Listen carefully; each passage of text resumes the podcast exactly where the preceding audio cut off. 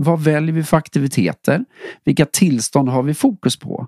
Och det är där jag tror att igen att vi borde experimentera mycket mer med det här i relationer i samhället i stort beroende på vad vi vill.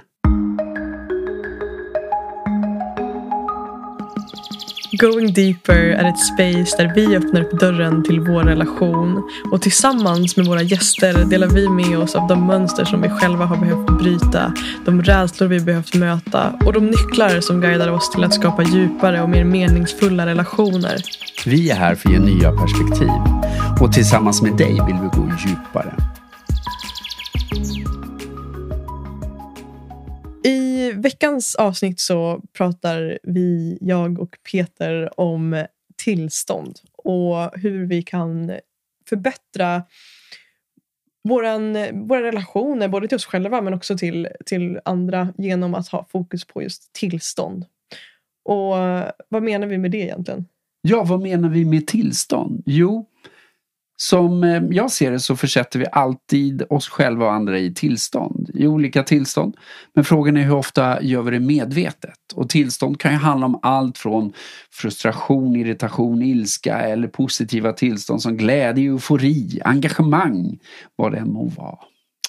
Precis, så det dyker vi in i i veckans avsnitt och eh, som alltid så ser vi väldigt mycket fram emot att höra hur det här landar i just dig och dina reflektioner och ja, vad som eh, väcks helt enkelt. Och i veckan så vill vi också verkligen berätta för dig om vårt digitala träningsprogram för relationer som heter 8 insikter för djupare relationer som vi lanserar här den 1 februari och fram tills dess så har vi riktigt bra early bird priser på eh, på biljetterna till den här kursen.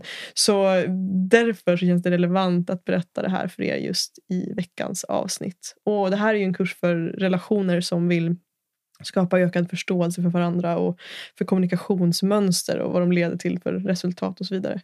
Så ja, in och checka det i länken här som finns i beskrivningen till det här avsnittet så kickar vi igång det här samtalet nu.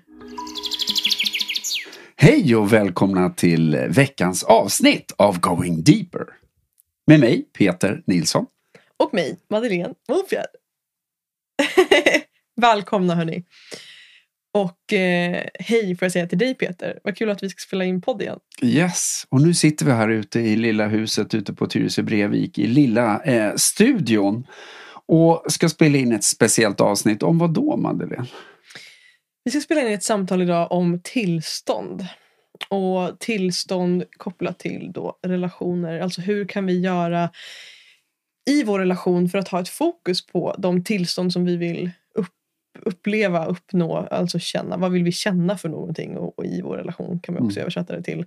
Och vad, vad behöver vi då göra för att eh, känna det och uppleva de tillstånden? Just det. Och det som är spännande tycker jag när vi pratar tillstånd är ju att vi alltid försätter oss själva och andra i tillstånd. Och det jag tycker är spännande är hur ofta vi kanske gör det så omedvetet och inte har fokus medvetet på tillstånd. Så det ska vi gå in på här idag och prata mer om också. Vad kan vi göra för att framkalla och skapa de tillstånd som då kan vara ändamålsenliga? Och för att vara tydliga, det handlar inte bara om att det ska vara pepp och goa tillstånd, eller hur? Utan eh, det kan ju vara andra tillstånd också som vi faktiskt vill eh, frammana. Precis, så eh, exakt. Det kan också röra sig om att jag känner att det finns en spänning i, min, i mitt hjärta idag eller min käke känns spänd och jag tror att det kan finnas en sorg som behöver komma fram och vad behöver jag då göra? Då kanske jag inte ska gå till gymmet och springa eller, eller aktivera kroppen utan jag kanske mm. då hellre behöver sätta mig och meditera mm. för att uh, få, få komma i kontakt ännu mer med den här känslan. Så precis som du säger, det kan vara alla typer av tillstånd. Just det. Och innan vi dyker in, för jag märker hur lätt vi har att bara gå in i det. Hur mår Madeleine idag? Hur mår jag idag? Ja, hur mår ditt hjärta idag Madeleine? Mm, hur mår mitt hjärta? Jag, eh, jag mår eh, bra idag. Jag, eh, jag kommer precis ifrån ett, eh, ett, en, en poddintervju som för övrigt kommer släppas eh, nästa tisdag redan med Daniel Ek där vi djup, djupdök i, i vänskapsrelationer. Hur man kan skapa djupare vänskapsrelationer. Och han jobbar med relationell mindfulness. Så innan vi spelade in intervjun så eh, gjorde vi det, relationell mindfulness i 30 minuter. Och det innebar att vi satt och i princip mediterade eh, med öppna ögon och hade ögonkontakt med varandra i 30 minuter. Mm. Eh, och det var väldigt spännande för jag upplevde att jag väldigt snabbt hamnade i väldigt djup närvaro och kom i kontakt med, med liksom vissa delar av mig själv som jag eh, har längtat efter att komma i kontakt med och då var det framförallt känslor av ja, men, eh, så här, ro, tillit. Jag har upplevt att jag har varit i mycket stress de senaste veckorna kopplat till mycket eh, ja, så praktiska saker i livet som behöver som är lätt att liksom förstora upp och tänka att det här är liksom så enormt viktigt. Eh, och att när jag är i kontakt med mig själv och mitt hjärta så inser jag ganska snabbt att de här sakerna inte är, det är inte allt. Det är viktigt men inte allt. Så det kände jag att jag kunde släppa tag om då. Det jag ville komma till att eh, i, i det här samtalet med honom så släppte jag mycket av den där stressen. Så jag känner mig eh, mer rofylld än jag gjorde i morse och eh, i mer tillit. Och eh, ja, peppad på att podda känner jag mig. Mm. Mm. Och så känner jag mig ja, men mitt hjärta känns väldigt öppet för dig. Jag känner, känner att jag eh, känner mig... Ja, jag har ett väldigt öppet hjärta för dig idag. Vad fint. Jag har haft det de senaste dagarna. Jag har upplevt att jag alltid har det. Ja, men, det är någonting, bara... men, nej, men det är någonting, jag tror att du också har känt det. Att jag har varit väldigt sådär... Eh, vi var ifrån varandra en dag och sen så sågs vi igen och då... Ja, mitt hjärta är väldigt öppet. Det är mm. fint. Mm. Hur mår ditt hjärta idag?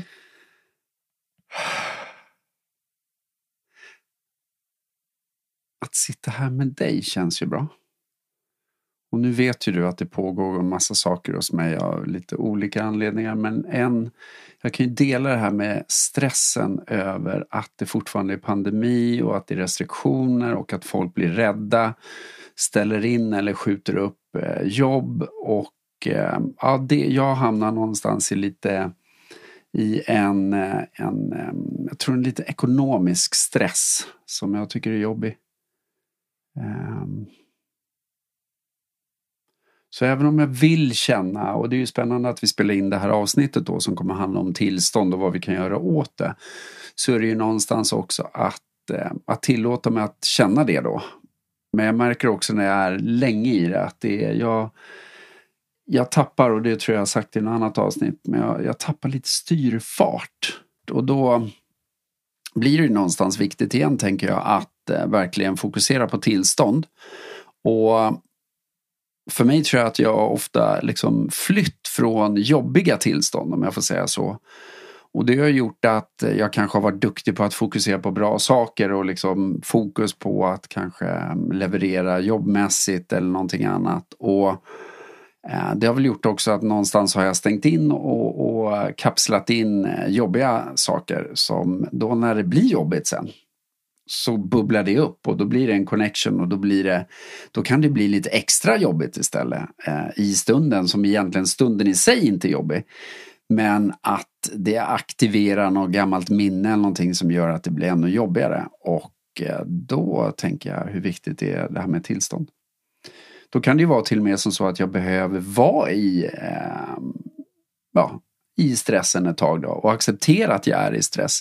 Och det är ju inte det lättaste med mig som då har tränat hela livet på att inte vara i stress. Utan att vara duktig på att vara liksom och gå ner i varv och hitta lugna, att göra, hitta aktiviteter för att gå ner. Eh, istället för att faktiskt vara i stressen. Så den är ju spännande. Vad är rätt läge beroende på vad det är jag egentligen vill åstadkomma. Och då kan man ju tänka åstadkomma kort sikt eller åstadkomma lång sikt. Mm. Jag vill utmana dig i det där. Yes. Jag tänker att du, eller när jag hör dig prata om att vara i stressen så tänker jag att, att det finns, alltså att tänker för att koppla det till avsnittet, avsnittet som vi pratade med Jessica Ekman eh, mm. förra veckan. Att eh, precis som hon beskriver att ångest är ett, någonstans ett symptom på andra känslor som man kanske inte har tillåtit sig själv att känna. Så tänker jag, eller det som kommer till mig när jag hör dig prata om, om stress, att jag tänker att stress också är, precis som ångest, ett symptom på andra känslor som skulle behöva kännas. Mm. Så att det kanske inte handlar, i det här fallet, och jag kan säga för oss båda eftersom att jag också befinner mig i en liknande liksom, stress som den du beskriver. Eh, att det kanske inte handlar om att vara i stressen. För jag, jag, Mm, jag min presupp är Ja. nog mer att den inte kanske är konstruktiv och det kanske inte är den som egentligen är, alltså det är mer ett symptom Mm. på någonting i mig som nå- någonting annat som vill bli känt eh, Mm. och upplevt och sett. Så för mig kanske det mer handlar om ett, ett litet barn som känner sig otillräcklig och, och känner mycket skam för att jag just nu inte har ett överflöd av pengar till exempel. Mm.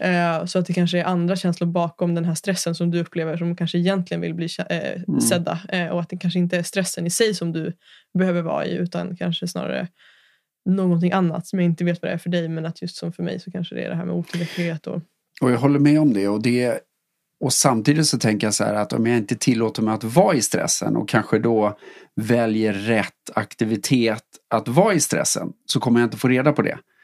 Så att jag tror att det är ju någonstans det första. Okej, jag känner stress. Men då att kanske tillåta mig att gå in i någon meditation själv. Vad handlar det här om? För då håller jag med om det du säger. Att då kan det vara andra underliggande känslor som egentligen vill bli sedda eller vill bli eh, kända då hos mig själv. Så att jag tänker att det är att först vara i stressen. Precis, att någonstans ja. acceptera den. För om jag inte ens gör det då kan jag inte ens ta reda på vad som ligger där bakom. Ja, Så jag håller med om det och jag menar att först behöver jag kanske vara i det. Jag har noterat att den är där. Ja. Att den blir någonstans meddelandet. Mm. Att det finns någonting annat där.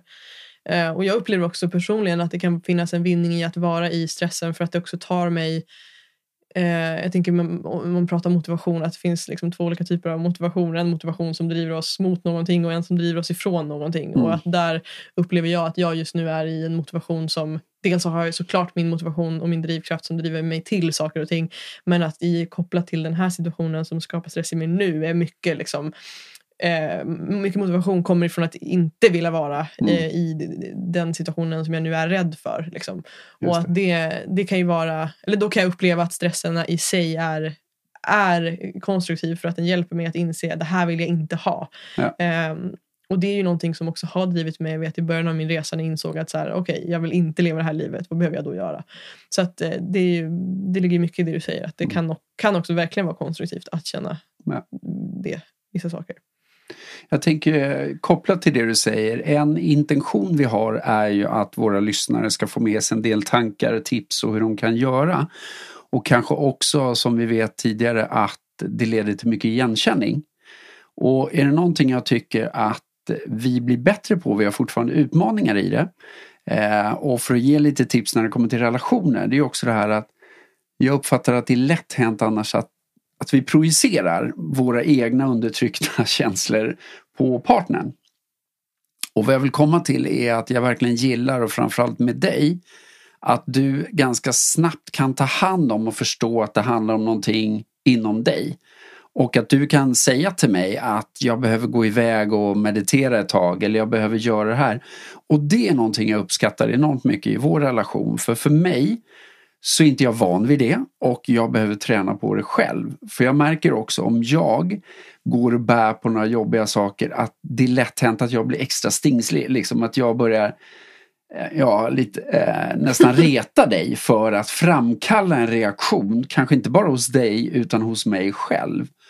Och det är någonting, förstår du vad jag menar? Det är någonting jag verkligen uppskattar med dig. Att ta ansvar. Och då är vi tillbaka till det här förra avsnittet egentligen med Jessica då när vi pratade om jag och du-sortering. Att ta ansvar för mina egna känslor men också hitta, tycker jag, en aktivitet som tar hand om det. Precis, men det där, eller först och främst tack vad fint att du uppskattar det i mig och att du säger det. Eh, och det som jag tänker på när jag hör dig säga det är också det här med Alltså som du beskriver det här när, vi, när, när du kan gå in i, jag också, vi kan gå in i det här att vi får en jargong mot varandra. Eh, som kan vara, kanske börja ifrån ett, någon slags bus eh, och vara ganska lekfull och, och på ett sätt ganska kul. Alltså att vi kan gå in i en sån så här, lite stingslig jargong. Som kom, men, men och sen så, och, och i vissa, på vissa dagar så är ju den bara lekfull och busig. Och den leder till goda tillstånd. Men att också fånga upp att vissa dagar när vi då eh, eller som du beskrev i ditt fall då, att du kanske bär på någonting som egentligen skulle behöva komma ut på ett annat sätt. Att det då är en så hårfin gräns när den där jargongen går över till någonting annat. Och det tycker jag också är så spännande när vi, lyckas, när vi väl lyckas fånga det där. Att nej, men vänta nu, nu är vi i den här jargongen och det känns inte just nu som att det här är, det leder inte till goda tillstånd. Nu kanske vi ska bryta det här liksom. Eh, men att den är, ja det är jättespännande hur mm. vissa saker kan komma ut på olika sätt. Och jag tänker ju, alltså jargongen, om vi bara stannar kvar i den, när du och jag, jag märker att ibland driver vi det för länge. Eh, och då fattar jag att då är det någon annan intention där bakom. Men det som är spännande är att i början kan det vara jätteläckert att ha lite jargong eller vi skojar och, och liksom pokar varandra lite i det här. Och sen helt plötsligt, så vi har dragit det för långt. Exakt. Att då blir det andra tillstånd hos både dig och mig och då är vi någon helt annanstans. Så att någonting som jag tror kan ibland börja på ett smidigt sätt och där vi vill kanske skapa lite roligt och vi vill ändra tillstånd och ha lite kul blir helt plötsligt någonting annat. Och på tal om tillstånd då igen. Mm, och den känner jag igen mig mm. Att vi drar ibland lite för långt. Exakt. Och då blir det ju spännande, tänker jag, om, om vi nu är ute efter någonting, du och jag i vår relation. Om vi är ute efter ett konkret resultat som vi vill Oavsett om det är en lördag förmiddag eller om det är långsiktigt. Då, då är det ju spännande att tänka om jag vill ha ett visst resultat av min partner eller i vår relation att verkligen koppla det till vilka tillstånd behöver jag försätta dig i eller mig eller båda två i för att vi ska komma till de resultaten. Och om vi nu tar det här med jargong, då blir det också spännande att, att tänka så här, vilka aktiviteter väljer vi som ska ta oss mot de här tillstånden och de här målen, det konkreta resultat jag är ute efter. Eh, det är en sak, alltså vad väljer vi att göra och det kommer vi snart tillbaka till. Det andra är ju också sekvens, när ska saker och ting komma in för att vi ska uppnå det vi vill. Och det tredje är portionering, det vill säga hur stor portion av den här aktiviteten ska det vara. Och då tänker jag när jargongen blir för länge då tycker jag att det är ett exempel på att vår portionering av att ha kul och liksom driva med varandra eller vad det än må vara blir för lång. Och då tappar vi de tillstånden vi egentligen hade, tror jag, i åtanke från början. Skapar det mening? Nej, men det skapar jättemycket mening, verkligen. Att allting handlar om ja, balans liksom. Och då om vi går tillbaka till par och parrelationer. Vad tycker du är de aktiviteter vi har som leder till goa tillstånd för dig? Om jag säger bara så, goa, och det kan ju vara vad som helst. Men vilka aktiviteter tycker du vi som par har idag som du tycker, ah, fan de här är bra, de här aktiviteterna vi gör? Och vi kanske inte behöver gå in på för privata aktiviteter. Men jag tänker i alla fall några som vi kan dela med oss av. Ja, jag bara märker en tanke i mig som dyker upp eh, nu som jag inte vet om den är relevant eller inte. Men att jag får någon, eh, ett så tvivel på om det skapar mening varför vi pratar om tillstånd. Alltså om vi har om det, eh, ja, om det skapar mening. Mm, Känns like. det i dig som att det skapar mening det vi hittills har pratat om och varför det är viktigt med tillstånd? Oj, nu sätter jag mig på pottan. För mig är det självklart, men om det inte är det för dig och inte är det för lyssnaren så blir det jättekonstigt. Nej men och jag bara, det är bara en, jag provpratar. Jag, det kan vara så att det skapar jättemycket mening och, eh, mm. eller så gör det inte det. Um, jag blev bara nyfiken på om det kanske ska förtydligas på något sätt. Men det kanske, vi kan, det nej, kanske vi kan backa bandet lite och, och, om du om du ställer de frågor eh, till dig eller oss i det här fallet när det kommer till tillstånd, vad skulle du ställa för frågor då? Ja, men jag, jag vet inte riktigt. Jag har liksom inte, det är verkligen ett provprat så jag vet inte vart det jag riktigt vill komma till. Jag, jag kommer nog, det, det, jag nog, det jag tror att tanken föds ifrån är nog att här, när, innan, innan innan jag förstod tillstånd och att jobba med tillstånd mm. eh, så var, var det för mig någonting som Alltså jag upplever att det är lätt att fastna i det här, åh nu, väljer jag, nu ska jag välja tillstånd och så väljer, nu väljer jag att jag ska vara glad eller nu väljer jag att jag ska vara det här. Mm. Och så bara totalt kör vi över de känslorna som egentligen är levande. Eh, och det är det som jag tror min rädsla kommer utifrån eh, att jag är rädd att det är så det här samtalet ska uppfattas. Att det är det vi försöker förmedla. Och det är nog det jag vill förtydliga att det inte handlar om det. Eh, samtidigt som att det på ett sätt ju visst gör det. För att det handlar om att så här, okej, okay, jag har en intention om att kanske jag vill och en längtan efter att känna en viss sak. Och då behöver jag också agera på ett visst sätt för att uppnå det. Så som ett exempel då, för mig, eh, så jag tror att poletten för mig första gången trillade ner eh, kring eh, liksom, kraften i att ha ett fokus på tillstånd ska jag säga. När jag för första gången befann mig i en situation där jag tidigare, alltså en situation med människor, där jag i, i, en tidigare i mitt liv hade upplevt känslor av någon slags avstängdhet, eh, ointresse, eh, Alltså föreställ dig att vara i ett sammanhang med människor där du inte riktigt vet vad, vad ska vi samtala om eh, och att det försätter dig i tillstånd av avstängdhet till exempel. Eh, och att jag då i det sammanhanget med hjälp av ett tillståndsfokus kunde kliva in där och tänka så här okej, okay, mina tillstånd, det jag vill uppnå här, det är att jag vill känna nyfikenhet så som jag kan känna inför andra personer. Eh, hur ska jag då agera för att få uppleva de tillstånden i relation till den här gruppen människor? Eh, och att jag med hjälp av det tillståndsfokuset kunde börja fråga mig själv Hmm, vad behöver jag då göra för att uppleva den här nyfikenheten? Och min lösning då blev ju till exempel att så här, ja, men lite som Jessica Ekman pratade om också i vårt förra avsnitt, att se människor som frågetecken. Men jag vet ingenting om de här personerna. Hur kan jag försöka förhålla mig till dem på ett nytt sätt som gör att jag får uppleva de här tillstånden av nyfikenhet till mm. exempel. Um, ja, så det var, jag vet inte, det kändes i mig som att jag ville dela den storyn. Jag hoppas att den kan skapa mening och bidra till att uh, skapa en ökad förståelse om just tillstånd och vad det handlar om. Mm. Uh, Ja, men jag gillar att du, att du backar bandet där och lyssnar på den. För att jag tror för mig också, om vi, om vi går till skolan, bara som en metafor och börjar i skolans värld. Så tänker jag på alla de lektioner jag har varit på där det har varit sånt alltså otroligt fokus hela tiden på innehåll. Och när jag säger innehåll så menar jag vad, vad lärarna sa. Och de kunde ju ofta snöa in och fastna i ett visst innehåll. Eh, och samtidigt märkte jag på mig själv och mina då, eh, skolkamrater var att vi kanske inte satt som liksom, intresserade ljushuvuden och tog in. Eh, där många tror jag var någon helt annanstans i sitt huvud. Eller, och det tycker jag är spännande om, om vi använder skolan som en metafor på det här med tillstånd. För tillstånd handlar ju om att vad vill jag skapa för tillstånd för att jag bäst då, om vi tar skolans värld, ska lära mig? Det jag märkte var att det fanns lektioner när jag till och med var rädd för läraren när jag var yngre. Och, och rädd för läraren, det var en lärare som liksom var ökänd för han kastade kriter, liksom sådana vita kriter om man inte hade fokus och sådär. Och det, det blev sådär att, att gå in med rädsla in i ett klassrum och med rädsla ska du lära dig, det var ingen hit märkte jag. Så för mig handlar det väldigt mycket om att förstå att vad jag tror att skolan skulle kunna vinna ännu mer på och jag har jobbat med en del lärare det är ju att ta fokus på om eleverna ska lära sig så mycket som möjligt. Vilka tillstånd blir då intressant att skapa i lärarrummet? Eh, alltså inte lärarrummet utan lärorummet där alla eleverna klassrummet. då, ja klassrummet.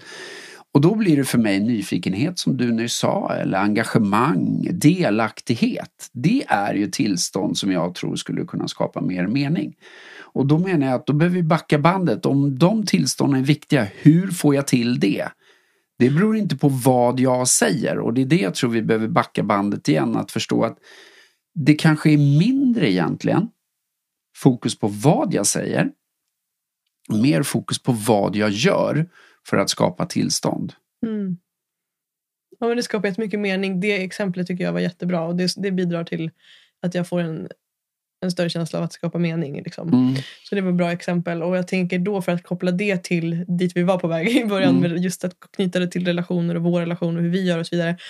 Så um, när du sa det exemplet om att ja, men om vi vill skapa engagemang hos eleverna till exempel, vad behöver vi då göra? Mm. Och då tänker jag för att koppla det till relationer, att till exempel om jag ta Eh, så att jag vill uttrycka någon typ av feedback till dig. Så jag, vill ha ett, jag har en önskan om att du agerar eller beter dig på ett annorlunda sätt utifrån något behov jag har, säger vi. Eh, att också i en sån, ett sånt kontext till exempel ha fokus på tillstånd. Vilka tillstånd behöver jag sätta dig i eh, eller ha fokus på för att det, du ska vara mottaglig för det. Och till exempel då kan det också handla om både vad jag säger men också hur jag säger det. Mm. Om jag kastar ur mig, men vad fan, åh oh, gud, om jag bara anklagar dig och du känner dig anklagad, du känner dig eh, liksom nedtryckt, inte vet jag, att jag liksom kastar över det här på dig. Eh, att det sätter dig i helt andra tillstånd och kanske inte alls gör dig mottaglig för den här feedbacken. Men om jag istället uttrycker det här med liksom lust, nyfikenhet, så här, älskling jag är nyfiken på hur det skulle vara om vi gjorde så här i vår relation. Eh, och att vi tillsammans har eh, ett annat tillstånd i det här samtalet till exempel. Mm. Så det finns ju många olika kontexter det här är nyttigt och värdefullt. Ja. Tänker jag. Och direkt när du säger det så, så får jag upp minnen också från eh, min bonusdotter. Mm. Och när vi skulle ha viktiga samtal, och det här kanske några lyssnare också känner igen sig i, så, så märkte jag att, att sitta ner och framförallt sitta mitt emot och titta i ögonen på eh, min eh, dotter och det gav aldrig några bra samtal. Eller det blev inte de fina och liksom djupa samtalen som jag, som jag hade förväntat mig eller jag trodde att jag öppnade upp för. Och det som slår mig idag är ju också att, att bara sitta och spänna ögonen i en annan människa. Att någon kanske är jättecool med att titta en annan i ögonen hela tiden. Medan en annan känner sig, oops, här är, nu måste jag vara observant. Att det snarare hämmar kommunikationen. Så vad jag upptäckte funkade väldigt väl där, det var ju att gå ut och ta en promenad och prata om viktiga saker. Och då var det en aktivitet i sig som jag märkte skapade mer avslappning hos henne.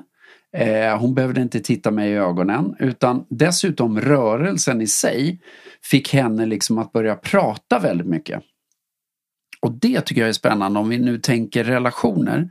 Oavsett vad det är för relation. Att jag tror att en del också kan förstå ja, men varför gör vi det vi gör.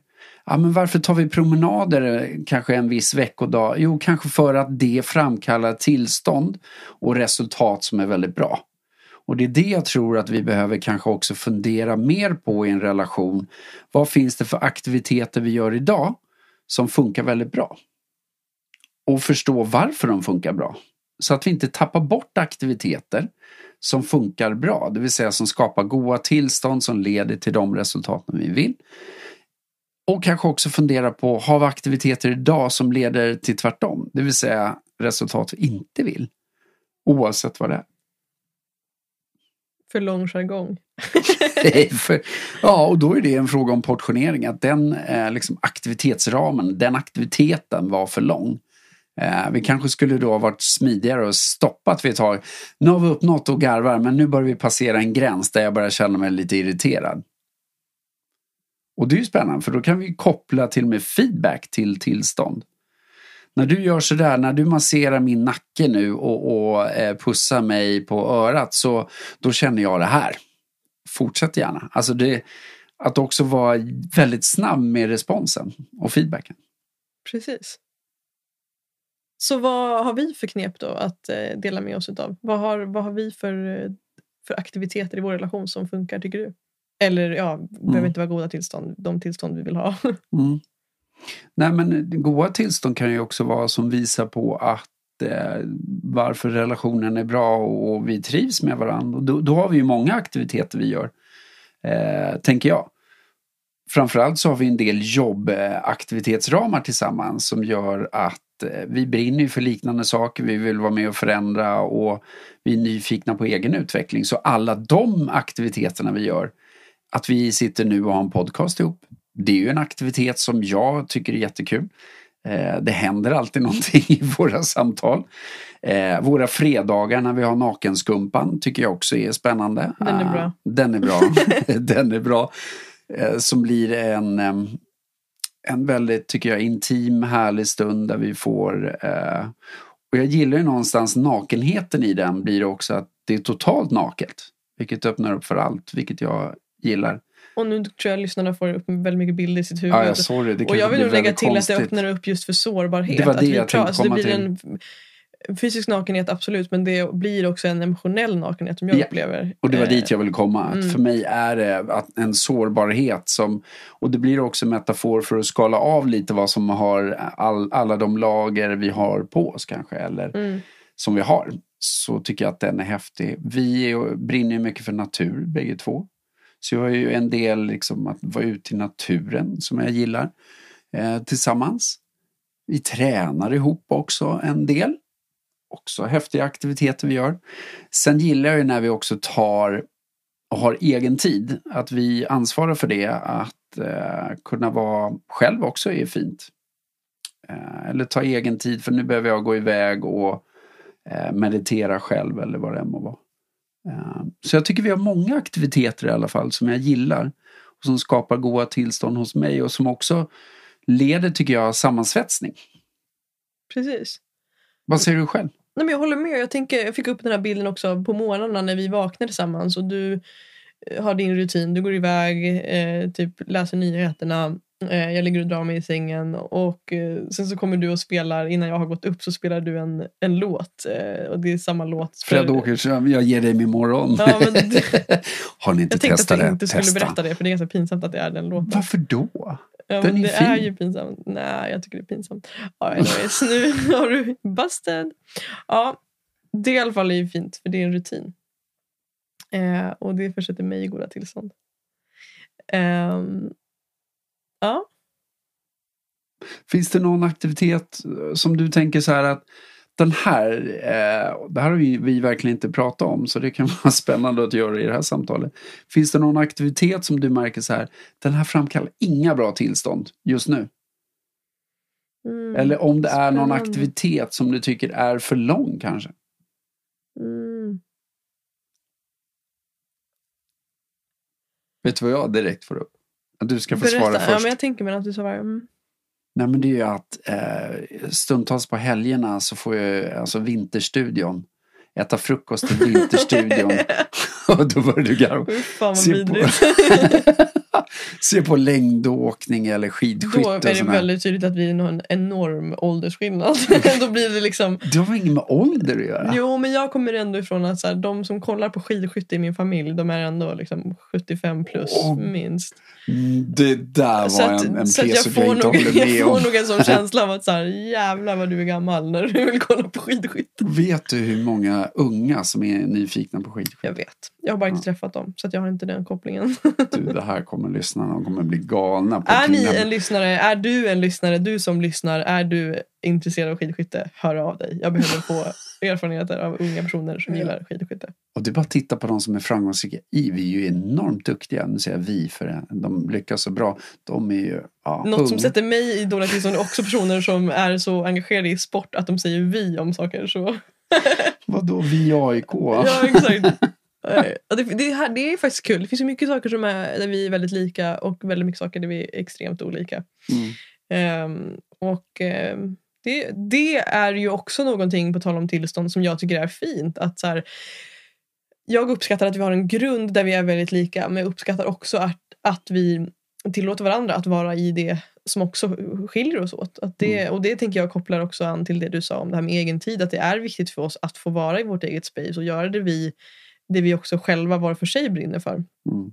Eh, även om det, jag skulle säga att det är majoriteten av saker så, så, så är vi väldigt lika. Men som sagt, det finns saker då vi ja, skiljer oss åt. Och det, det tycker jag också bidrar. Mm. Och det handlar ju någonstans, tänker jag tillbaka till avsnittet med Jessica om jag och du. Om respekt för varandra.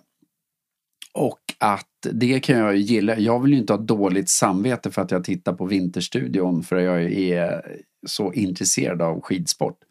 Eh, däremot kan jag ju fatta om den vintersporten och den börjar dra ut på tiden. Att portioneringen av den blir att jag sätter det i främsta rummet hela tiden och att vi som par eller relation eh, blir lidande. Och det, men det upp, uppfattar jag att du säger till. Nej, men jag tycker du, det så. känns som att du har snappat upp det. Nu brukar det ju vara liksom, du kollar i fem minuter och sen, sen är det bra. Ja, fast det är ingen Men måttstock. du kanske har önskemål om något mer? Vi, vi närmar oss ju nästa vecka och det vet du vad det är för vecka va? Nej. Nej, nej. Säger du. Är OS Jag tycker i det här, Kina. nej men nu tycker jag vi bromsar. Nu börjar jag få panik för jag tycker det här får alldeles mycket fokus. Tillbaka, Gud. tillbaka till tillstånd. Ja. Jag känner att jag är i goda tillstånd just nu. Men du fick nyss lite panik för att vi pratade lite för mycket sport. Ja. Ja. Nej men skämt åsido. Men om, om vi stannar kvar i det här med att göra saker i en relation som skapar goda tillstånd så skulle jag också vilja be eh, lyssnarna att fundera lite på egna aktiviteter. Eh, för inom kommunikologin pratar vi ofta om ankring. Och ett ankare är ju någonting. Det kan vara eh, liksom en gest, det kan vara ett ord, det kan vara ett ljud, alltså vad som helst men någonting som är liksom förknippat, kopplat till ett tillstånd. Och det kan vara så här att en lyssnare hör eh, en låt och så bara pang så hamnar de i goa eller kanske inte alls så goa tillstånd. För att någonting är förknippat med just den låten.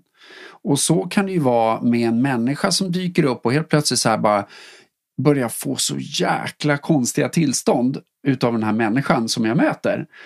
Utan att förstå varför. Men det kan ju vara för att det ligger en negativ ankring hos Det kan vara ögonbrynen ner, det kan vara ett tonläge som påminner om eh, min eh, farbror som sa till mig med ett visst tonläge eller en lärare eller vad det än må vara. Och då tänker jag så här att gå tillbaka till aktiviteter, att fundera också på vad har vi för aktiviteter i vår relation som är en positiv ankring, det vill säga som ger oss goda tillstånd. Och kanske också fundera på, är det aktiviteter i vår relation, eller som du har eller som jag har som individ, som är en negativ ankring? Det vill säga leder till dålig, alltså att bara börja lyfta och medvetandegöra det i en relation tror jag är superspännande att göra. För det är någonting jag brinner för, det är att medvetandegöra det som fungerar i vår relation och medvetandegöra det som inte fungerar. Precis. En sak som vi inte har pratat om, vi, för vi, jag håller med om att vi ibland kan prata lite för snabbt om tillstånd.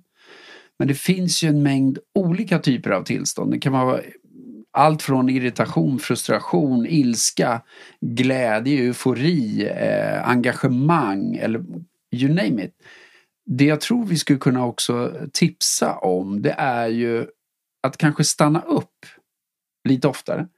Kanske göra det, om vi inte gör det och ha koll på det varje dag, men åtminstone veckovis. Att kanske checka av i vår relation. Hur har tillstånden varit? Hos dig kanske personligen, hos mig, men också som relation. Att göra någon slags eh, alltså en kongruenscheck. Att checka så här att ja, men utifrån det vi vill åstadkomma i vår relation. Hur har veckan varit då? Hur har dina tillstånd varit? Hur har våra tillstånd tillsammans? Ja, men vi har ju inte ens setts den här veckan. Men jag har Och då haft kanske jättebra- dina tillstånd är jättebra och mina är urusla. ja, men, ja, exakt. Och då blir det viktigt, tänker jag, att verkligen... Så vad jag vill göra och slå ett slag för är ju att faktiskt stanna upp och känna av och känna in. Hur har tillstånden varit? Precis. Och om de inte har varit som jag har velat, varför inte? Och vad kan vi göra annorlunda? Mm.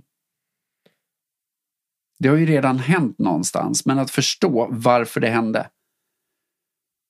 Eh, Precis. Nej, men och det jag tänker att, för att också koppla det då till igen det här med att jag vill inte vara en del av ett samtal som säger att du inte får vara i jobbiga tillstånd eller du får inte vara i, liksom, i det som känns utmanande utan att också påminna sig själv om att igen det här, okej men våra tillstånd i vår relation kanske har varit stress på sistone. Mm. Okej men vad ligger där bakom som vill bli sett där och hur kan vi kanske känna det istället då? Eh, så att det inte handlar om det men att snarare belysa det som faktiskt behöver få uppmärksamhet, tänker jag. Mm. Eh, Och hur gör du det? För det är dit jag vill komma. Är du med? Att, hur kan du göra det? Jag Ja, personligen. belysa Mm. det. För jag håller verkligen med om det. För för oss, vi kan ju betona det igen. Att det vi pratar om nu i det här avsnittet handlar ju inte om att du alltid ska gå runt och fokusera på goda tillstånd. För det är inte det vi säger. Eh, utan däremot att välja ändamålsenliga aktiviteter som tar emot de tillstånd du kanske inte jag alltid nödvändigtvis vet att du behöver och vill ha. Mm. Men jag tänker att det handlar, där handlar det nog jättemycket om egen kontakt med sig själv. För att vi, även om vi är, ju, vi är en relation och vi har ett vi, men vi också, viet består av två jag. Eh, och där tror jag att det handlar jättemycket om att vara i kontakt. Att vi två, vi, vi båda parter i den här relationen behöver vara i kontakt med våra egna känsloliv. För att kunna sätta fingret på det där. Eh, därför att om jag går runt i min stress och jag liksom vet att de senaste veckorna så har jag inte varit i de bästa tillstånden. Eh, och det går ju onekligen ut över dig. Även om jag inte projicerar det på dig, eh, tror jag och hoppas jag, och det är inte min intention i alla fall, eh, så blir det ändå att vara runt en person som är i låga tillstånd och mår dåligt blir någonting annat än att vara runt en person som är glad, positiv, inspirerad, vad hon än må vara. Eh, och vart vill jag komma med det då? Jo, att då, att då du som partner till exempel kan tillåta mig att vara i, okej okay, Madeleine har upplevt eh, har varit i jobbiga tillstånd i veckan och att det, mm. det är okej. Okay. Eller som det var en dag i veckan här där, där du gick in i, i stress och liksom frustration och du får beskriva det själv om du vill det men att då, då tog du liksom en, en, en paus och satte dig och mediterade och, och kände det som du behövde känna. Eh, och att jag då lämnade dig i det och tillät dig att vara i det. Mm. Eh, så det där tänker jag också, det handlar så mycket om eget ansvar och att tillsammans då så kan vi liksom mötas på något sätt i det. Eh, men att vi har ju, alltså så här, vi, vi är ju i våra egna tillstånd och de tillstånd vi är i skapar också de tillstånd vi har i vår relation. Mm. Och där tror jag att det kanske inte alltid är så lätt heller att, eh, att ha koll själv. Eh, och vad menar jag då? Jo, att jag tror att och det är något vi kan bli ännu bättre på, men att hjälpa varandra. För jag, någonting jag verkligen älskar är om jag fastnar så är det kanske inte alltid helt lätt att ta mig därifrån själv. Eh, och jag behöver byta tillstånd till någonting annat för att överhuvudtaget klara av just det jag faktiskt ska göra. Det jag gillar är att du kanske kan säga, men ska vi gå ut och ta en promenad? Och så går vi ut i skogen här, bara rakt liksom. Vi kliver rakt ut i skogen. Och det sköna med det är att det bytet för mig kan ju vara exakt det jag behöver i stunden för att kunna komma tillbaks och bara oj, det, jag gick ner i någonting som var egentligen helt lönlöst att göra. För att jag började grotta ner i, mina tankar började skapa ett problem som egentligen inte existerade. Och då behövde jag ju, och det visste inte jag i stunden, men att gå då när du tar med mig på en promenad, att då börja, whoosh, då får jag distans till det som händer där inne. Och det är där jag tror också att vi som par och i olika typer av relationer kan hjälpa varandra. För vad jag menar är att det inte alltid är helt lätt att bryta, liksom, oj nu ska jag byta tillstånd själv. Eh, och det är det jag uppskattar med dig när du kan ställa en fråga och snarare ska vi göra det här istället. Mm. Ja. Jag sitter fortfarande med den rädslan att det handlar så mycket om att skifta tillstånd. Och när du gör så knäppsa med fingrarna så blir jag så här. Fast det, men är det det vi vill? Det, fast mm. det, det, i den stunden behövde jag ju det. Mm. För att förstå att jag hade fastnat i mm. ett tankesätt. Ja, tankarna som, var för starka liksom. Ja. ja men tankarna och då menar jag så här mm. att det jag behövde var ju faktiskt att lämna mm. det för att sen oh, och börja andas i, i skogen och, och helt plötsligt så fick jag, men vänta Peter du gör en höna av en fjäder. Då var det inte att jag, är du med? Då var det inte att jag skulle vara kvar. Så därför gjorde jag så med fingrarna för det var det jag behövde där och då. Precis, ja, men absolut. Det är inte vad jag säger att man alltid om du hamnar i och har jobbiga att du ska byta tillstånd så, knäppa med fingret, pang. För då kanske du inte är kvar och känner det du behöver känna. Nej men precis, och det som jag ändå tror jag landar i är liksom att det här är en, en konversation som känns det, jag märker att när jag pratar om det här så är jag så sjukt dubbel. Och jag, det är väl också någonting som jag bearbetar i mig själv att det är okej okay att vara, bara fylld av liksom, paradoxer. För det upplever jag i det här. Att jag upplever att på ett sätt så skulle jag bara vilja att så här, ha tillit till att alla tillstånd som jag är i är de tillstånd jag ska vara i och jag behöver inte agera för att ändra tillstånd. Om jag känner att jag behöver ligga under kudden, eh, täcket en hel dag och vältra mig i min egen ångest så kanske är precis det jag behöver. Så en del av mig tycker att det är sanningen och den andra delen av mig tycker att sanningen är att jag behöver tänka på vilka aktiviteter kan jag implementera i mitt liv för att kunna ändra tillstånd och så vidare. Mm. Så att jag märker att jag är jättedubbel i det här. I det här. Och det tror jag är det som gör att jag har svårt ibland att förhålla mig till. Så här, men vänta nu, vad är egentligen vad är rätt i det här? Och det mm. jag nog landar i är att det handlar så mycket om kontext, situation yes. eh, och vad det är för typ av känslor. Ja. Och som du beskriver, om jag ligger och vältrar mig i onda destruktiva tankar om mig själv eller en situation som du beskriver gör en höna av en fjäder, ja men då kanske det är eh, liksom, faktiskt konstruktivt att gå ut och, och byta miljö, eh, gå, liksom ta en promenad, eh, kanske dansa lite, röra kroppen, vad det nu än kan tänkas vara. Men att om det är känslor som, som, som på något sätt inte kanske är riktigt kopplade till de där tankarna som kan etsa sig fast i oss utan det verkligen är så här, kroppen talar till mig och jag behöver känna sorg. Då, då kanske det inte är så att jag behöver skifta tillstånd på en gång utan då kanske jag faktiskt ska vara i det. Och då, och då kanske man också kan bortse, för jag hörde dig säga vid något tillfälle här att ja, att skifta tillstånd för att kunna göra det man behöver göra. Och att då också utmana den presuppen om att ibland har vi en lång lista på saker vi tror att vi behöver göra. Men när de här jobbiga tillstånden infinner sig och vi har saker vi behöver bearbeta i oss själva så kanske den där listan får ligga åt sidan ett tag. Eh, om att så här, idag är en dag jag inte ska agera. Utan den här listan lägger jag åt sidan. Så jag tror att här, med det sagt så det är så dubbelt och att allting handlar om kontext och situation. Absolut och kort och långsiktighet och långsiktiga intentioner kortsiktigt. För jag håller med dig. För att om jag tar mig själv som ett exempel så har jag ju ofta valt träning som lösning på allt. Är du med? Att när jag kände på något vis att, ja då gick jag och tränade och då automatiskt så sätter det igång endorfiner och så vidare. Hjärnan och dopaminet flödar. Eh, pang! Och jag mådde bättre. Det blev, och jag tror att det är många sätt att må bättre. Men jag säger inte att det är lösningen om vi tänker långsiktigt, om det är någonting min kropp försöker säga. Så igen, jag håller med om att det är dubbelt. Men ibland då om vi vänder på det och säger så här att du ligger kvar i sängen och så drar täcket över huvudet och du gör det hela tiden, inte bara en dag. Utan du bara fortsätter för du hamnar i tankebanor där du kanske hamnar i någon slags offerroll och så pang. Att, då tänker jag så här, långsiktigt kanske det handlar om att du behöver må bättre. Och då är inte det det du kanske behöver göra där och då, utan då kanske du behöver ta hjälp av en psykolog. Du behöver ta hjälp, alltså du behöver hitta andra aktiviteter. Så det är där jag menar, jag tror inte att någon människa liksom ska vara där för länge. Allt handlar ju om, precis som du säger, kontext och långsiktiga intentioner. Och det häftiga tycker jag, det är att våga ifrågasätta våra aktiviteter, det våra beteenden vi ändå har. Precis, men exakt att ifrågasätta det. Jag tänkte det kul att du säger just det, för jag satt precis och tänkte på eh, Kyle Seas som jag nämner ganska ofta, refererar till i den här podden. Men han pratar mycket om det också, hur allting egentligen som vi när det kommer till känslor och att, här, att sitta med det som känns i kroppen. Att, eh, att det är så lätt för oss att så här, tänk dig att du upplever eh, skam i din kropp. Mm.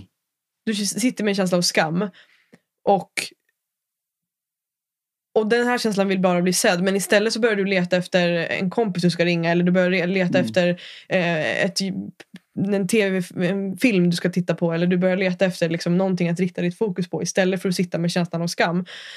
Um, och vad det gör med oss, och han drar den här liknelsen mot till exempel om, eh, om ett litet barn kommer till oss eh, och säger så här, pappa, pappa, jag, eller om det är till en förälder eller barnet kommer upp till oss och säger det, så här, jag känner mig osedd. Eh, eller jag känner skam. Men snarare kanske att barnet känner sig osett. Eh, och att vi då börjar rikta fokus på någon som, någon som ska se barnet. Vi går, går till grannen. Åh, kan du vara med mitt barn för att känner sig osedd? Eh, och att det blir också så här, vart riktar vi vårt fokus? Att, eh, att barnet kommer till mig för att den vill bli sedd av mig. Och istället så går jag eh, utåt och mm. försöker hitta någon annan som kan se det här lilla barnet. Och att det är samma sak med våra känslor. Att om jag känner eh, så här, den här känslan av skam eller det här osedda i min kropp som vill bli sett. Eh, och istället så vänder jag det fokuset till Netflix eller jag vänder det till tvn. Så finns det fortfarande det lilla barnet i mig som inte blir sett. Mm. Och det är exakt det som är samma, liksom den liknelsen tycker jag är så fin. Just att våra känslor är som små barn som vill bli sedda. Och att kunna lyssna till kroppen och lyssna till de här känslorna. Mm. Eh, och ja, att förstå också att allting egentligen till det här yttre är kan fungera som försvarsmekanismer. Mm. Kan också fungera konstruktivt. Men igen, Mm. så här, allting går, kan vara konstruktivt, allt kan vara destruktivt beroende på hur vi använder det. Mm. Absolut. Och det är ju någonstans att, att kanske också förstå, för jag gillar ju det du säger och, och metaforen för mig med träning blir väldigt aktuell eftersom att det är den världen jag kommer ifrån där jag har tränat extremt mycket. Och det var ju inte bara för att jag ville bli bäst i världen i min sport utan det handlade ju mycket om, inser jag nu, att jag flydde från känslor jag inte ville känna. För jag mådde så mycket bättre när jag fick träna. Och då gå igenom livet och bara träna, träna och aldrig riktigt lyssna på de känslorna gör ju att, att ja, du lär inte ta hand om det. Och det kan jag ju tycka är lite tragiskt med vårt samhälle idag. Att det är finare att träna mycket och liksom ha en snygg kropp än att säga att du går till en psykolog exempelvis. Och då är vi tillbaka till vad, vad är det för aktiviteter vi egentligen behöver? Och vad är det för aktiviteter som också kan vara kollektivt inankrade negativt?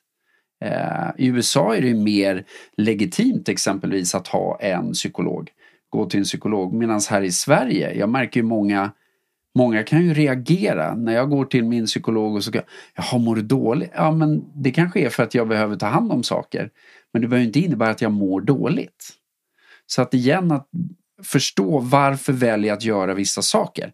Om jag väljer att träna massvis, ja det kanske är jättebra för mig. Men varför tränar jag? Då är vi tillbaka till intentionerna igen. Eh, det kanske inte hjälper mig att eh, bli mer eller utveckla mig själv och det jag egentligen kanske behöver grotta ner mig i. Precis, och för någon så gör det det. Ja. Alltså, Ja, igen, Ja, och ibland kanske träning är exakt det som behövs. Mm. Ofta kan det vara det. Det vill säga att för att få en kemisk reaktion i hjärnan som blir någonting annat för att jag ska kunna ta nästa steg. Och då kan det ju vara att jag behöver gå ut och springa. Men att göra det varenda gång du känner och upplever någonting kanske inte är rätt. Kan vara. Ja, men det där är spännande precis hur vi använder, eh, hur vi använder träningar. För det kan ju vara så att i stunden då vi känner, alltså för det är klart all forskning visar på att träning eh, fungerar på samma effekt som, eller bättre, det motverkar depression. Liksom. Eh, så det vet vi bevisat att det fungerar. Men det kanske inte handlar om då att göra det i stunden då du egentligen skulle behöva ligga hemma och gråta liksom, och känna. Eh, men i de stunder då du faktiskt eh, är i goda tillstånd.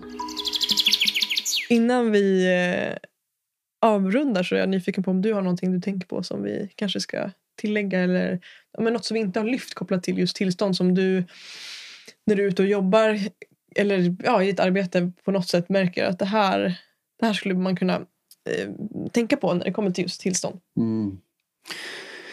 Någonting jag funderar på som, och det finns ju så mycket vi skulle kunna prata om när det kommer till tillstånd och relationer. Men någonting jag märker att vi inte har pratat direkt om här och nu. Det är väl också just det här att ha fokus på partnern i en relation och framförallt fundera på vad finns det för och som jag nämnde lite hastigt förut, så här positiva ankringar när det kommer till aktiviteter eller saker som får min partner i, i härliga tillstånd för att vi kanske ska ha en fin kväll tillsammans eller en fin vecka eller semester eller vad det än må vara. Att, att verkligen fundera på vad finns det för aktiviteter som jag skulle kunna använda mig av. Och det är ju någonting jag har gjort i tidigare relationer att jag menar, klassiken är ju kanske att komma hem efter en jobbig arbetsdag och, och din partner står och liksom har på favoritmusiken, har några tända ljus, eh, kanske massera nacken innan du sätter dig. Alltså verkligen fundera på, eh, så att det inte bara också blir fokus på mig själv utan också fundera på partnern i relationen. Vad, vad skulle jag kunna göra? Och vet jag inte det kan jag alltid fråga. Att mer också ha så här att du eh, senaste tiden har jag märkt det här och jag tolkar att dina tillstånd är så här. Eh, finns det någonting du tänker jag skulle kunna hjälpa dig med eller göra för dig för att du ska kunna ha eh, härligare tillstånd? Alltså att mer ha den öppna eh, diskussionen, dialogen och verkligen se partnern. Skapa, skapa det meningen, för det har vi inte riktigt pratat så mycket om. Precis, men det tycker jag absolut skapar mening. Och det är också ett fint sätt att ha, att även alltså, behålla jag och du-sorteringen som vi pratade om med Jessica eh, och att var, var och en tar ansvar för sig men också att som partner faktiskt eh, bidra och hjälpa till. Jag vet att du eh, hamnar i goda tillstånd till exempel av det här för du har berättat det för mig. Ja, men då vill jag gärna vara en del av det och jag vill gärna ge dig det mera. Eh, så det tycker jag är en, en viktig poäng verkligen att lyfta och att ja, Mm. Att ta hänsyn till i relationer. Och det är också någonting jag tycker du är duktig på när det kommer till, till att bemöta mig till exempel när jag är i, i låga tillstånd eller kanske står inför någonting som tynger mig. Liksom. Att du är väldigt duktig på den här balansen också mellan att att tillåta mig att vara i det, att hålla mig i det, att lyssna, att hålla mig på det sättet som jag behöver och så vidare. Men att också sen kunna hjälpa mig att komma ur det på något sätt. Genom att på något sätt bryta mitt mönster av att jag ligger och, och mår dåligt. Att så här, du kanske kommer och busar eller gör något, skojar till det liksom på något sätt som gör att jag tänker det, eller glömmer för en stund det som kändes jobbigt. Så det är också mm. väldigt fint att hjälpa varandra på det sättet. Sen någonting som kom till mig nu också när jag pratade om det var just det här att, att hur hur utmanande det också kan vara i en relation att veta, alltså att sortera i vilka tillstånd är det som är mina just nu och vilka är det som är dina. Och Det kan jag ju märka att det är lätt för oss när vi umgås så nära att, att du kanske är i jobbiga tillstånd en dag men jag är egentligen på en ganska bra plats. Mm. Men att det är lätt för mig då att också gå in i det och att det är svårt då att sortera i vad som är vad. Är det här mitt eller är det här ditt? Um, och att det kan, vara, det kan vara en utmaning tycker jag att sortera i. Jag håller med. Och det, det är inte alltid jättelätt, nej. Verkligen inte. Och, och det är lätt tror jag det är ju någonting vi heller inte har pratat om i det här avsnittet men just det här att tillstånd smittar och det kan du känna igen om du går in i ett rum och du är jätteglad när du går in i rummet och så bara pang så vad hände? För alla i rummet sitter och kanske har lyssnat på samma depressiva budskap eller att någon har berättat något tråkigt och pang hur fort det går. Och det är också någonting att, att tänka på att tillstånd kan ju smitta åt alla håll. Eh, och samtidigt så tänker jag på vad lätt ett leende eller när du ler eller eh, hur lätt det också smittar. Och speciellt i dessa dagar med pandemi och mycket olycka och elände så, så tror jag också att tänka, tänka liksom tillstånd i alla typer av relationer, inte bara din partner utan vad händer om du ler mot den som du möter på gatan? Vad händer om du istället för att titta misstänksamt som jag tycker väldigt många verkar göra nu, om du kommer lite för nära, om du istället ler. Istället för att fnysa kanske och titta. För jag tror att vår värld behöver mer av andra typer av goa tillstånd och det är någonting jag, jag har förstått att jag har gjort bra tidigare och det kan jag jobba vidare med och eh, samtidigt träna mer på att låta mig att vara i jobbiga känslor och tillstånd. Så definitivt. Precis. Men det där är så spännande. Det dyker upp två saker i mig. Dels en sak om att eh, om att att använda också, det tänker jag vi kan spela ett helt avsnitt om, eh, ett annat avsnitt om att, att möta människor också där de är. Att inte heller dundra på med sina egna tillstånd eh, utan att också känna av eh, lite grann. Så jag tänker på en situation som hände mig där jag var med en vän till mig och nåddes av en jobbig nyhet och eh, började gråta. Och den här vännen, och, och det var liksom, jag hamnade i väldigt jobbiga tillstånd och hade behövt liksom bli, kanske fått en kram och att hon hade tittat mig i ögonen och bara sagt att hon Gud Madeleine, jag, jag, så här, jag ser dig, jag är här med dig. Typ. Eh, och istället så var det som att jag, jag tror att hennes intention var att hjälpa mig kanske att komma ur det på något sätt. Att hon liksom krämade på med den liksom, bästa energin hon möjligtvis skulle kunna hitta. Liksom. Att, åh, åh, det, åh, alltså, så här, den här pepp-energin. Liksom som inte alls eh, för mig landade väl utan jag kände mig snarare överkörd då. Mm. Eh, så att, att det också kan bli eh, Alltså just det här att vikten av att också möta den vi har framför oss. Mm. sådär. Eh, så, och det tänker jag kan vi ta ett, ett avsnitt om. Att, att mm. just eh, pejsa människor där de mm. befinner sig. Jättefint tycker jag. Mm. Så det var, det var det ena. Och sen tänker jag också på hur eh, ett annat exempel också med en vän som jag vet har haft som mönster att att vara liksom familjens glada glada, liksom, ja, familjens glada. Den som är medlaren, den som eh, gör att alla familjehögtider är liksom, värda att fira. Det är hon som skapar de goda tillstånden i familjen.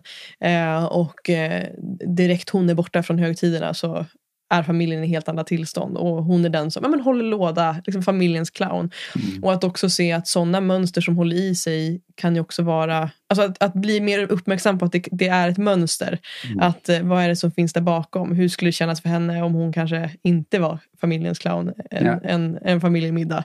Ehm, att mycket sånt också kan vara baserat i rädsla för att jag måste vara på det här sättet för att det är en familjedynamik som alltid har funnits. Mm. Till exempel. Mm. Så ja, men det är spännande. Jag märker igen, det är mycket paradoxer och, och olika trådar hit och dit. Men jag tror Mm. den röda tråden är väl ändå att, att, att verkligen titta på sig själv och se vad är, vad är Mm. mina utmaningar. Liksom. Mm. Och sen ha kul också, för det slår mig när du berättar det här att jag hade ett samtal med några, med några äldre igår och jag märker ju också att för att få dem extra nyfikna och liksom glada, det innebär att om jag ställer frågor om hur det var förr, det vill säga kanske på 60-talet när de valde att bestämma sig för ett visst yrke eller vad det än må vara, så märkte jag att hela deras tillstånd förändrades. Och jag tror just det här att, att ställa frågor av nyfikenhet för att få igång och då tror jag också att det finns ju ett experiment som de har gjort och säkert flera gånger dessutom eh, utförts. Det är när de hade två eh, äldre grupper och i det ena gänget då, de fick gå in i en miljö där de då var unga på nytt. Det vill säga det spelades 60-talsmusik, det var eh, den typen av eh, möbler och så vidare. Eh, och i den andra gruppen så var det samma ålder på gruppen, men de var här och nu. Och det som var spännande efter bara en vecka och de liksom gjorde mätningar på hur de mådde de här två grupperna så visade det sig att de som var i gruppen där de fick gå tillbaka till sin ungdom, alltså de var ju mycket friskare. Men de var alltså samma ålder, Det var fysisk samma ålder, ålder. men de fick uppleva en annan miljö liksom, och gå Yes. tillbaka till. Ah, okay. Och den miljön som de var i var i den miljön som de var när de var unga. mm. Och bara det är ju spännande. Vad sätter det igång för någonting? Och det handlar ju om till och med, tror jag, att, att de mätte att de hade inte åldrats lika mycket heller. Och då är det ju spännande igen. Vad väljer vi för aktiviteter? Vilka tillstånd har vi fokus på? Och det är där jag tror att igen att vi borde experimentera mycket mer med det här i relationer i samhället i stort. Beroende på vad vi vill. Beroende på vad vi vill. Det tycker jag. Men det kan vi viga ett helt avsnitt åt. Men igen, att ha fokus också på eh, alltså relationen och den andra partnern i relationen. Om vilka tillstånd vill jag försätta den människan i för att vi tillsammans ska kanske uppnå härliga resultat. Precis. Om vi börjar gå mot avrundning, vad, utifrån det vi har pratat om, det här med tillstånd och aktiviteter och alltihopa. Vad skulle du vilja skicka med dig som är liksom en sån där, ja, to Nugget. go? Vad tar du med dig? Ah. Ja, men jag tror att det jag tar med mig som starkast och det jag skulle vilja skicka med till lyssnarna är just vikten av att tänka att allting Alltså det är okej att saker och ting är dubbelt. Ehm, vi behöver anpassa saker efter vem är jag? Vad har jag för utmaningar? Är min utmaning att jag kanske skiftar tillstånd för snabbt? Att jag faktiskt inte tillåter mig att, att känna? Ja, men då kanske jag behöver faktiskt bli bättre på just det. Att Som känna. jag. Precis. Eh, eller är det så att min utmaning är att jag känner och, och ältrar mig och, och fastnar i tillstånd och kopplar på tankar som sen blir destruktiva och sen inte tar mig ur det, hamnar i looper och så vidare. Hur kan jag då tänka på vilka aktivitetsramar jag skulle kunna eh, tillämpa i mitt liv och så vidare. Så att jag skulle vilja säga det, att vikten av att anpassa utifrån vem är jag och vad är Mm. mina utmaningar och vad behöver jag göra annorlunda. Mm. Och hur kan jag jobba med tillstånd i, i mitt liv? Mm. Jag gillar det. För mig handlar det nog mycket om att, att bara stanna upp och observera vilka tillstånd jag är i och kanske också då kanske ställa frågan till mig själv vad som egentligen är viktigt och vad jag egentligen vill uppnå. För att det har nog gått mycket på repeat för mig att eh, sticka ut och träna eller styrketräna och då mår jag ju bättre. Men där jag kanske i själva verket skulle behövt gjort någonting annat. Eh, kanske mediterat, gått en långsam promenad och funderat på vad, vad handlar det här om. Eh, istället så pang, köra. Så att för mig handlar det nog mer om att också bara stanna upp, observera och bli medveten om vilka tillstånd. Och det tror jag är en, en viktig grej, bara att, att verkligen jobba med att tydliggöra vilka tillstånd är jag i och vilka tillstånd kanske vill jag ha. Och vad behöver jag göra då? Mm. Jag märker när jag är ute och pratar om tillstånd och jobbar med tillstånd så märker jag att det är väldigt få som har liksom koll på hur man medvetet kan göra och jobba. Det tycker jag är spännande. Mm. En del har ju sina rutiner och det har vi inte pratat så mycket om. Men en del har ju rutiner när det kommer till att dansa på morgonen, sätta på en specifik låt och dansa för att komma i de bästa tillstånden. Eller gå ut och, och liksom ta en promenad och ta in allt först och sen. Så att det går ju att skapa, tror jag, eh, rutiner för att få den bästa starten. Liksom. Även i en relation. Precis. Tusen tack till dig som har lyssnat med oss på oss och varit här med oss idag. Det... Vi hoppas ju såklart, som alltid, att du vill höra av dig och berätta dina reflektioner och så vidare. Yes. Eller hur? Ja. Tänk tillstånd, tänk aktiviteter du kan göra och um, have fun with it. Bli mer medveten. Det behöver Yes. inte vara kul alltid heller. Men kul att lära sig och bli mer medveten, tänker jag. Precis. Puss och hej! Puss, peace, hej! Tack till dig som har varit med oss idag. Vi är så nyfikna på hur det här landar i dig. Vilka tankar, insikter, frågor och kanske till och med triggers väcks inom dig. Det betyder enormt mycket för oss att få ta del av dina processer och vi ser fram emot att höra från just dig. Skulle du vara intresserad av att gå ännu djupare och fortsätta det här samtalet så har vi också skapat en Facebookgrupp för att samlas och connecta. Och du hittar den genom länken som finns i beskrivningen till det här samtalet. Ett annat sätt att hjälpa oss att sprida samtalet vidare och att hjälpa oss att vara en del i att skapa en mer nyfiken och öppen värld är att posta det här på din story och helt enkelt visa att det här är perspektiv och samtal som behöver lyftas. Än en gång, tack till dig som är här med oss.